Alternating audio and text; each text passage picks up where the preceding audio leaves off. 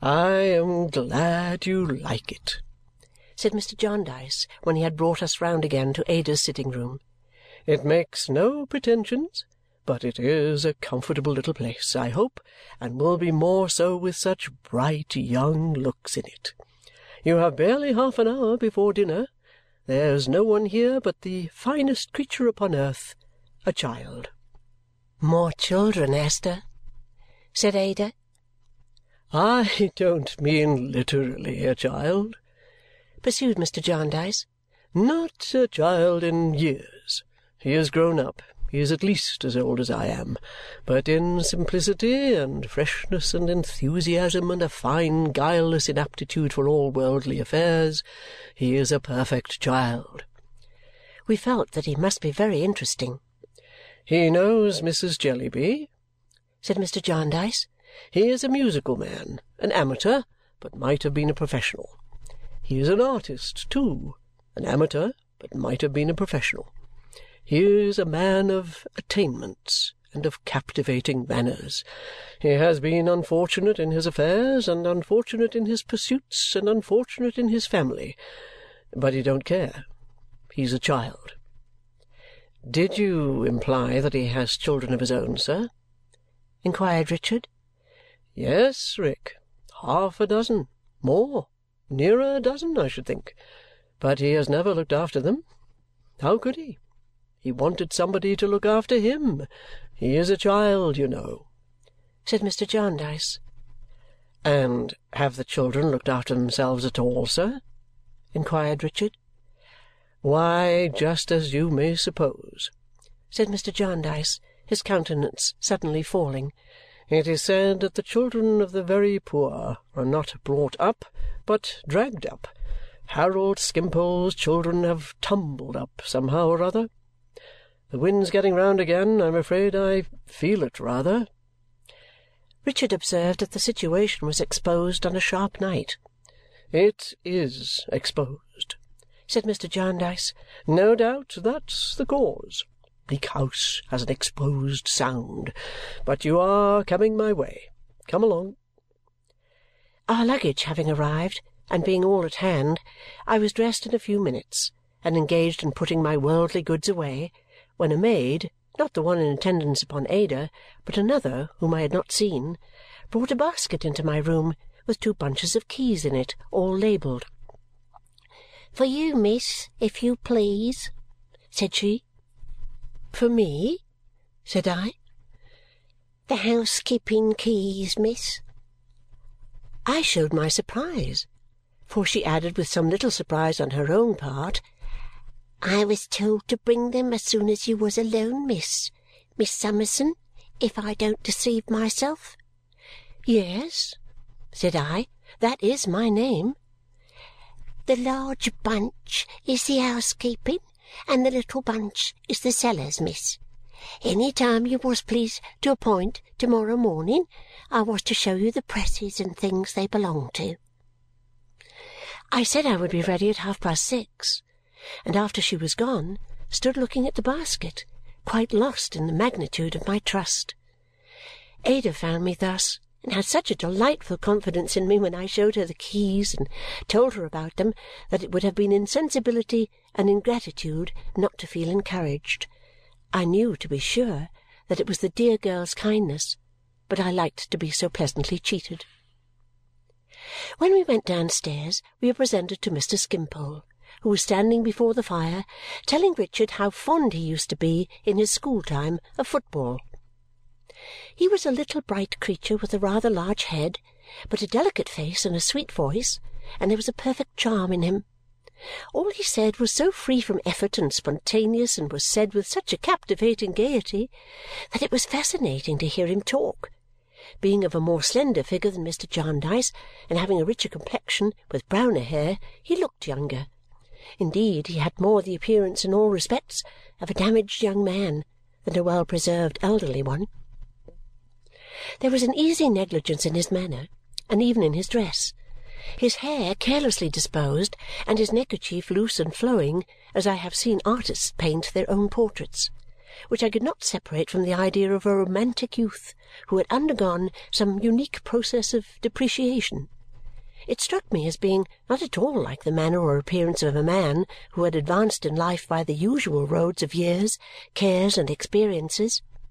I gathered from the conversation that Mr. Skimpole had been educated for the medical profession and had once lived, in his professional capacity, in the household of a German prince. He told us, however, that as he had always been a mere child in point of weights and measures and had never known anything about them except that they disgusted him, he had never been able to prescribe with the requisite accuracy of detail. In fact, he said, he had no head for detail and he told us, with great humour, that when he was wanted to bleed the prince or physic any of his people, he was generally found lying on his back in bed, reading the newspapers or making fancy sketches in pencil, and couldn't come. The prince, at last, objecting to this, in which, said Mr. Skimpole in the frankest manner, he was perfectly right, the engagement terminated, and Mr. Skimpole having, as he added with delightful gaiety, nothing to live upon but love, fell in love and married and surrounded himself with rosy cheeks. His good friend Jarndyce and some other of his good friends then helped him, in quicker or slower succession, to several openings in life, but to no purpose, for he must confess to two of the oldest infirmities in the world. One was that he had no idea of time, the other that he had no idea of money in consequence of which he never kept an appointment, never could transact any business, and never knew the value of anything. Well, so he had got on in life, and here he was. He was very fond of reading the papers, very fond of making fancy sketches with a pencil, very fond of nature, very fond of art. All he asked of society was to let him live. That wasn't much. His wants were few. Give him the papers, conversation, music, mutton, coffee, landscape, fruit in the season, a few sheets of Bristol board, and a little claret, and he asked no more. He was a mere child in the world, but he didn't cry for the moon, he said to the world. Go your several ways in peace, wear red coats, blue lawn sleeves, put pens behind your ears, wear aprons, go after glory, holiness, commerce, trade, any object you prefer, only let Harold Skimpole live. All this, and a great deal more, he told us, not only with the utmost brilliancy and enjoyment, but with a certain vivacious candour speaking of himself as if he were not at all his own affair, as if Skimpole were a third person, as if he knew that Skimpole had his singularities but still had his claims too, which were the general business of the community and must not be slighted. He was quite enchanting. If I felt at all confused at that early time in endeavouring to reconcile anything he said with anything I had thought about the duties and accountabilities of life, which I am far from sure of, I was confused by not exactly understanding why he was free of them. That he WAS free of them, I scarcely doubted. He was so very clear about it himself. "I covet nothing," said Mr. Skimpole in the same light way. "Possession is nothing to me. Here is my friend Jarndyce's excellent house. I feel obliged to him for possessing it. I can sketch it and alter it. I can set it to music. When I am here, I have sufficient possession of it and have neither trouble, cost, nor responsibility. My steward's name, in short, is Jarndyce, and he can't cheat me. We have been mentioning Mrs. Jellyby. There is a bright-eyed woman of a strong will and immense power of business detail who throws herself into objects with surprising ardour. I don't regret that I have not a strong will and an immense power of business detail to throw myself into objects with surprising ardour.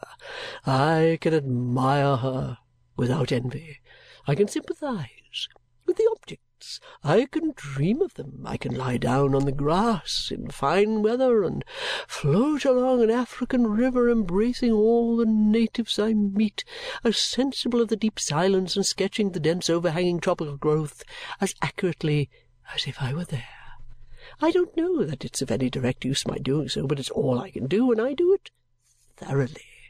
Then, for heaven's sake, having Harold Skimpole, a confiding child, petitioning you, the world, an agglomeration of practical people of business habits, to let him live and admire the human family, do it somehow or other, like good souls, and suffer him to ride his rocking horse.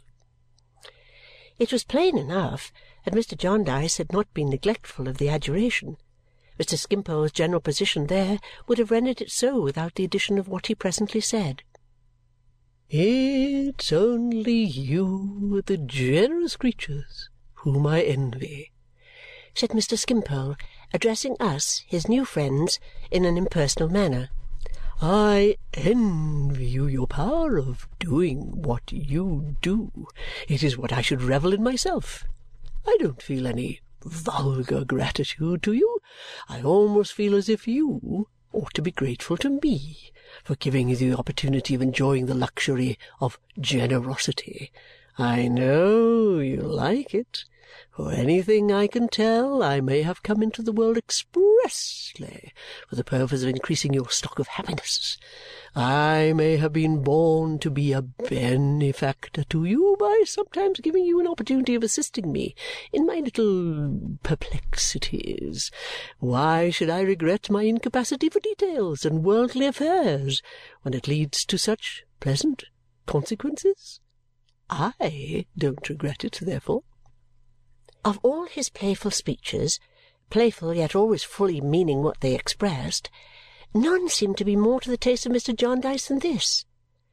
I had often new temptations afterwards to wonder whether it was really singular, or only singular to me, that he, who was probably the most grateful of mankind upon the least occasion, should so desire to escape the gratitude of others. We were all enchanted I felt it a merited tribute to the engaging qualities of Ada and Richard that Mr. Skimpole, seeing them for the first time, should be so unreserved and should lay himself out to be so exquisitely agreeable.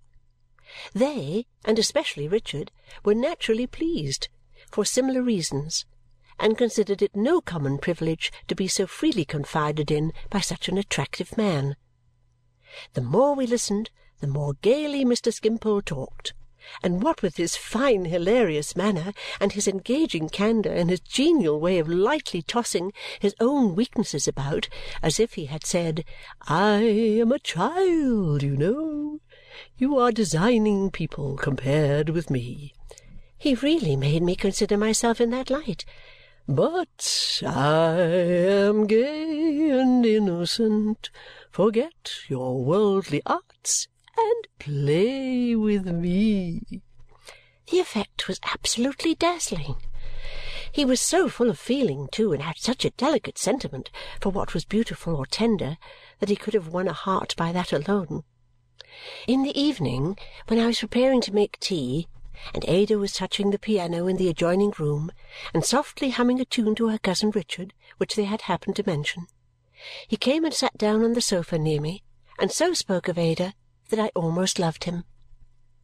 "She is like the morning," he said. "With that golden hair, those blue eyes, and that fresh bloom on her cheek, she is like the summer morning. The birds here will mistake her for it.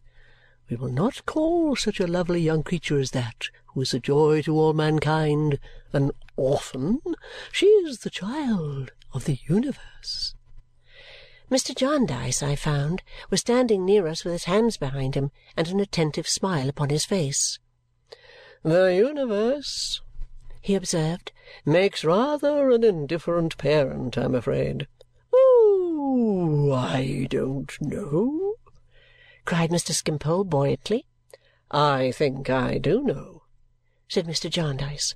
Well, cried Mr. Skimpole. You know the world, which in your sense is the universe, and I know nothing of it. So you shall have your way. But if I had mine, glancing at the cousins, "there should be no brambles of sordid realities in such a path as that. It should be strewn with roses. It should lie through bowers where there was no spring, autumn, nor winter, but perpetual summer. Age or change should never wither it. The base word, money, should never be breathed near it." Mr. Jarndyce patted him on the head with a smile, as if he had been really a child, and passing a step or two on, and stopping a moment, glanced at the young cousins. His look was thoughtful, but had a benignant expression in it which I often how often saw again, which has long been engraven on my heart. The room in which they were communicating with that in which he stood was only lighted by the fire. Ada sat at the piano. Richard stood beside her, bending down. Upon the wall their shadows blended together, surrounded by strange forms, not without a ghostly motion caught from the unsteady fire, though reflecting from motionless objects. Ada touched the notes so softly and sang so low that the wind, sighing away to the distant hills, was as audible as the music. The mystery of the future and the little clue afforded to it by the voice of the present seemed expressed in the whole picture. But it is not to recall this fancy, well as I remember it, that I recall the scene. First, I was not quite unconscious of the contrast in respect of meaning and intention between the silent look directed that way and the flow of words that had preceded it. Secondly, though Mr. Jarndyce's glance as he withdrew it rested but for a moment on me, I felt as if in that moment he confided to me, and knew that he confided to me and that I received the confidence. His hope that Ada and Richard might one day enter on a dearer relationship. Mr. Skimpole could play on the piano and the violoncello, and he was a composer. Had composed half an opera once, but got tired of it, and played what he composed with taste after tea we had quite a little concert in which Richard, who was enthralled by Ada's singing and told me that she seemed to know all the songs that ever were written, and Mr. Jarndyce and I were the audience. After a little while I missed first Mr. Skimpole and afterwards Richard.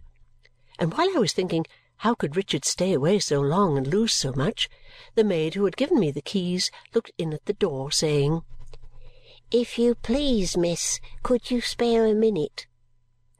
When I was shut out with her in the hall, she said, holding up her hands, "Oh, if you please, miss, Mr. Carstone says would you come upstairs to Mr. Skimpole's room. He's been took, miss." "Took?" said I. "Took, miss, sudden," said the maid. I was apprehensive that his illness might be of a dangerous kind, but of course I begged her to be quiet and not disturb any one, and collected myself, as I followed her quickly upstairs, sufficiently to consider what were the best remedies to be applied if it should prove to be a fit. She threw open a door, and I went into a chamber where, to my unspeakable surprise, instead of finding Mr. Skimpole stretched upon the bed or prostrate on the floor, I found him standing before the fire smiling at Richard, while Richard, with a face of great embarrassment, looked at a person on the sofa in a white great-coat with smooth hair upon his head and not much of it, which he was wiping smoother and making less of with a pocket-handkerchief. "Miss Summerson," said Richard hurriedly, "I am glad you are come. You will be able to advise us. Our friend Mr. Skimpole don't be alarmed is arrested for debt.